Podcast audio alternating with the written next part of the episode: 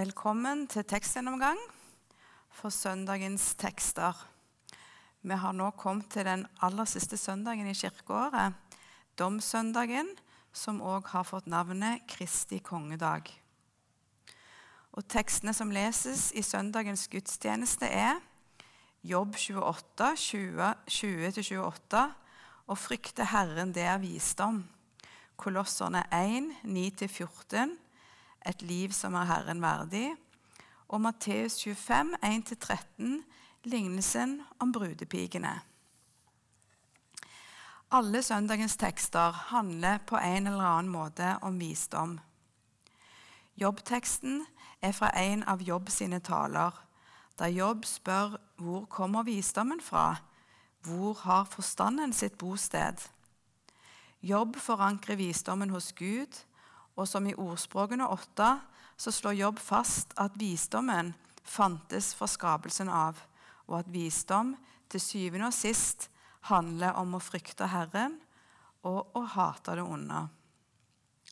Teksten fra Kolosserbrevet er fra den innledende hilsenen, der Paulus og Timoteus minner kolosserne på at de stadig ber for dem, og at bli, eh, om at de må bli fulgt av kunnskap om Guds vilje og få visdom og innsikt i Den hellige ånd.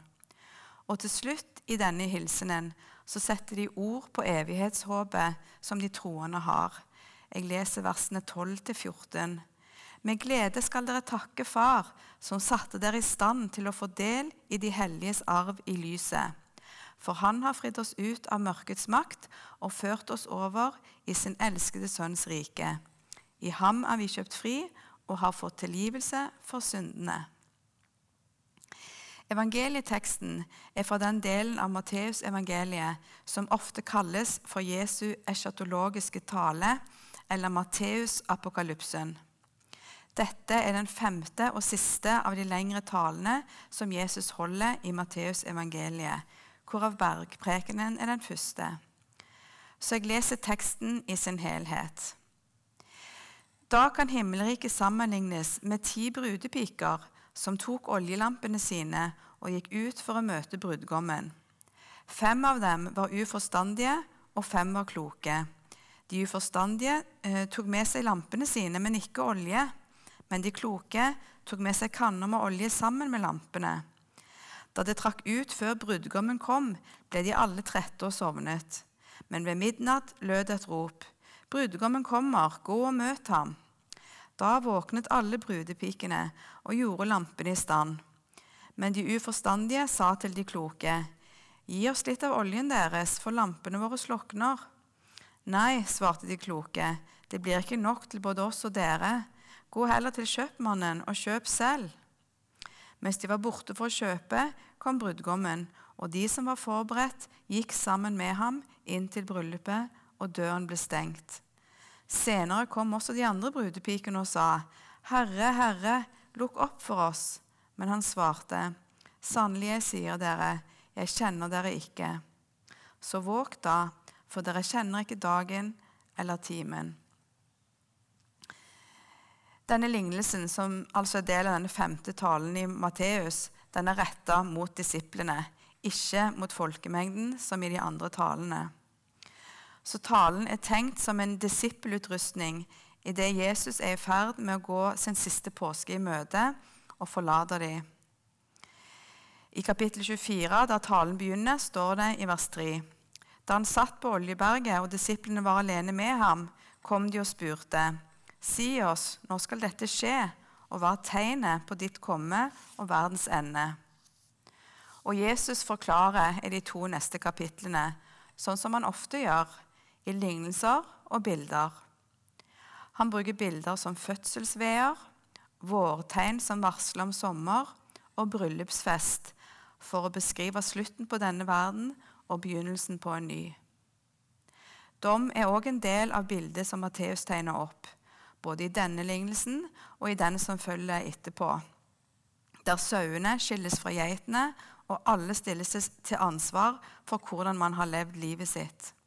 Og i den lignelsen så anklages de som utestenges fra Guds rike for å ikke ha sett Jesus i disse mine minste, når de var sultne, tørsta, nakne, fremmede eller satt i fengsel.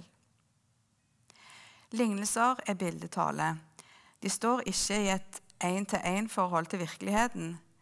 Hver lignelse løfter fram ulike aspekter, bestemte perspektiver. Jesus ligner mange steder for Guds rike, eh, Guds rike på en fest. Og lignelsen om brudepikene kan forstås som oppfølgeren til lignelsen om kongesønnens bryllup i Mattes 25.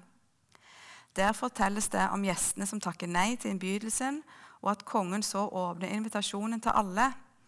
Gå derfor ut på veikryssene og innby alle dere finner, sier kongen der. I søndagens tekst, tekst lignelsen i Matteus 25, så er festen delvis i gang. Brudgommen har antageligvis dratt til brudens hus for å hente henne der, og så skal festen fortsette hos brudgommens familie når han har henta sin brud. Og De ti brudepikene de skal være med i brudefølget og vise vei med oljelampene sine. Brudepikene kalles for partenos på gresk. De er jomfruer, unge jenter som ennå ikke er gift. Symboler på renhet og uskyld. Bruden er underlig fraværende i denne lignelsen. Kanskje en påminnelse om at i en patriarkalsk kontekst som denne, så var en ekteskapsinngåelse en transaksjon mellom menn. Tidlig i kristen tradisjon så blir bruden og brudgommen utvikla som et bilde på Kristus og kirken. Og dette blir en grunnleggende symbolsk representasjon av de troende sin relasjon til Kristus. I denne lignelsen er det brudepikene som er nærmest å representere disippelflokken eller de troende. Lampene brudepikene bærer med seg, er òg interessante. Små oljelamper av keramikk ble brukt som lyskilder i hjemmene, men hadde òg en symbolsk verdi. Disse lampene er blant de vanligste funnene i graver fra gammeltestamentlig tid. Israelittene hadde en forestilling om Sheol, underverdenen, som et veldig mørkt sted der åndene til de døde tilbrakte en skyggeaktig tilværelse. Mange tenkte vel da at det kunne være fint å sende en lampe med sine kjære som skulle foreta denne siste reisen til det mørke stedet. Og Jomfruene sin oppgave i denne lignelsen er jo òg å lyse opp veien og hjelpe bryllupsgjestene til å finne fram til festen, det evige livet. Men så har ikke alle brudepikene gjort hjemmeleksa si. Halvparten går tom for olje før brudgommen kommer, og de kommer for seint til festen. Det er typisk for Matteus, dette perspektivet at alle inviteres inn, men ikke alle holder mål. Ikke alle består testen. Det er typisk for Matteus at det er en moralsk forventning, et imperativ, om å bruke livet sitt rett, og at det fins konsekvenser hvis en ikke gjør det. Hva er visdom?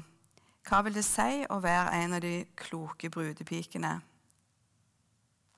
Fra jobb så får vi påminnelsen om at visdom det er å frykte Gud og hate det onde.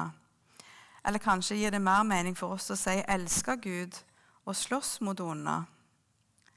Fra kolosserbrevsteksten kan vi ta med oss det kollektive perspektivet. At de troende står i forbønn for hverandre på vår vandring mot Guds rike. Og at arven alle, eh, mot Guds rike og arven vi allerede har fått, som Paulus uttrykker det.